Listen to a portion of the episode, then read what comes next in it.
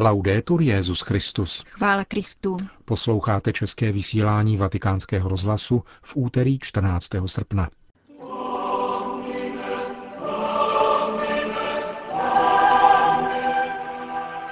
Mýty o financích Vatikánu uvádí na pravou míru právník svatého stolce Jeffrey Lena.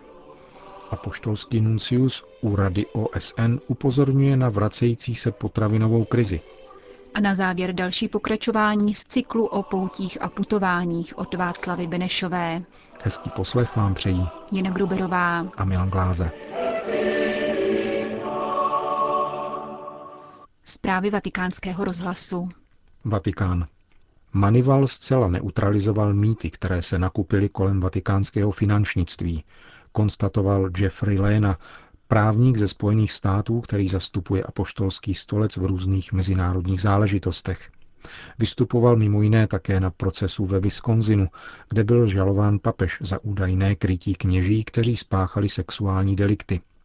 Proces byl, jak známo, ukončen a archivován jako neopodstatněný. Tento americký advokát se podílí také na zavádění mezinárodních předpisů proti praní špinavých peněz do peněžního sektoru městského státu Vatikán. V rozhovoru pro internetový deník Vatikán Insider americký právník odpovídal na otázky týkající se reakcí na zprávu tzv. Manivalu, tedy Evropské instituce dohlížející na chod finančního sektoru. Poukázal přitom na některé hypotézy, které byly v médiích podány jako fakta. Například není pravdou, že ve vatikánské bance měli svá konta firma Finmechanica podezřelá z korupce. Není pravdou ani to, že Vatikánský institut pro náboženská díla, tedy Vatikánská banka, užívá anonymní konta. Není také pravdou, že předpisy, ke kterým je ve finančním sektoru zavazován Vatikán, jsou odlišné od těch, které zavazují jiné země či mezinárodní subjekty. V souvislosti s rozšířeným míněním o neprůhlednosti a korupci panující ve Vatikánu připomněl Jeffrey Lena, že právě tyto námitky vyvrací nedávná zpráva Manivalu. Experti z Rady Evropy totiž vyhodnotili spolupráci s Vatikánem pozitivně a dokonce přímo prohlásili, že ve Vatikánu neexistují důvody ke korupci. Pokud jde o tzv. praní špinavých peněz, upozornil americký právník na to, že takovýto jev se může vyskytnout v každé instituci. A proto je důležité rozlišovat mezi tím, zda je instituce obětí takovéto operace, a nebo zda je do ní zapletena. Manival vyhodnotil vatikánský finanční systém jako potenciálně povolný na takovéto operace, což bylo v médiích prezentováno téměř jako podezření z toho, že tam dochází k praní peněz. Avšak stupnice hodnocení finančních systémů, kterou používá Manival, je širší a obsahuje také označení vysoce rizikový. Ten byl například připsán Japonsku, Velké Británii, Austrálii či Itálii. Stačí proto jen pozorně číst zprávy Manivalu.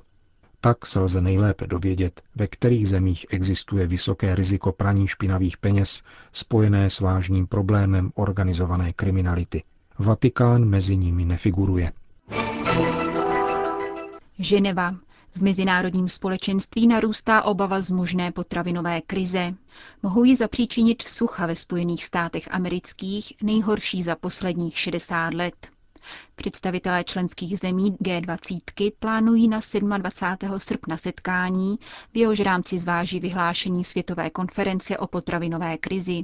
Pro vatikánský rozhlas hovoří stálý pozorovatel svatého stolce při Radě OSN pro lidská práva arcibiskup Silvano Tomázi.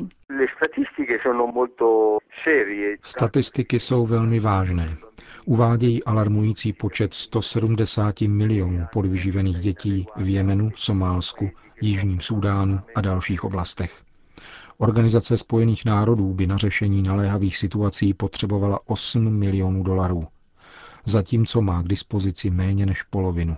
Problém potravinové krize trvá a nyní se komplikuje dlouhodobým suchem ve Spojených státech, Austrálii a Rusku.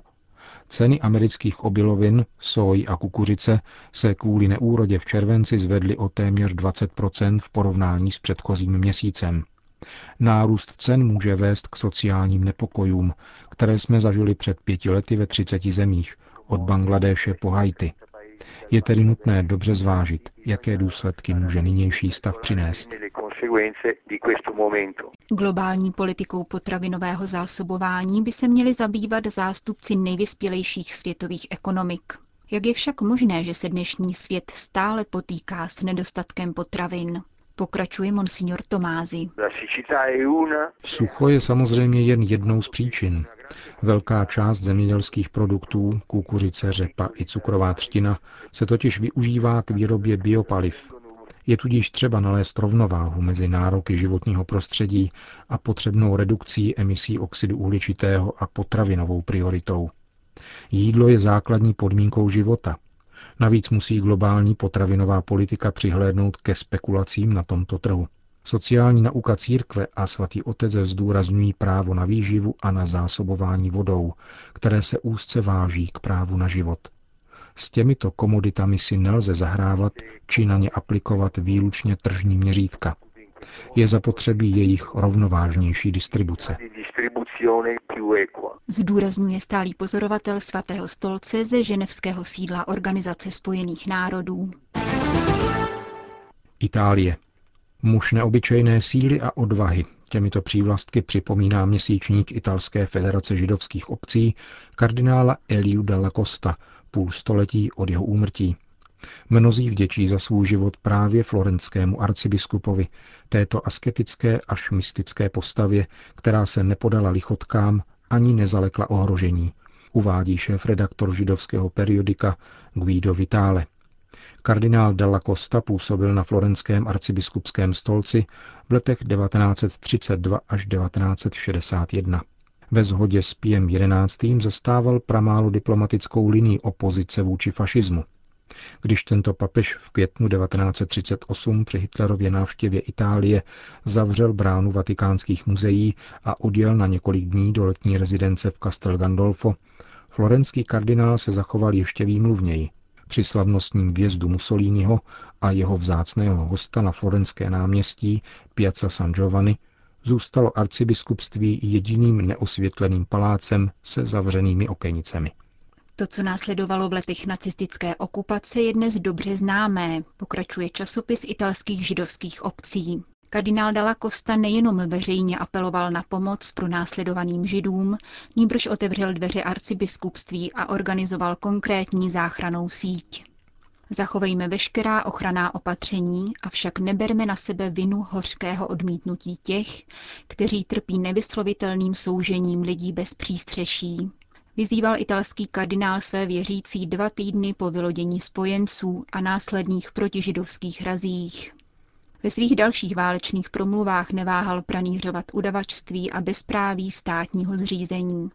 Pokud se strážci zákona staví mimo jakoukoliv legalitu, výsledek bude vždy a nevyhnutelně katastrofální, řekl na štědrý den 43. roku kardinál Elia Dalla Costa, jehož připomíná měsíčník Italské židovské federace.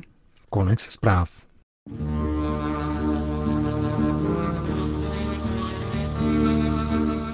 O poutích a putování. Česká zastavení ve svaté zemi. Připravila a hovoří Václava Benešová. Vážení posluchači a poutníci, v předchozích pořadech jsme velmi často zmiňovali jména našich kněží, kteří působili ve svaté zemi. Ať to byl Antonín Bartoš, Hermes Kohout, Josef Koutný či další. Jejich jména dnes již jen málo napoví, ale přesto by neměla zůstat zapomenuta. Bez těchto služebníků božích by se možná nekonaly věhlasné lidové poutě do svaté země, Možná by ani nevznikla naše smírná kaple na Olivové hoře v Jeruzalémě, možná by jméno naší vlasti nebylo v křesťanských kruzích ve svaté zemi známé a takových možná bychom našli jistě více.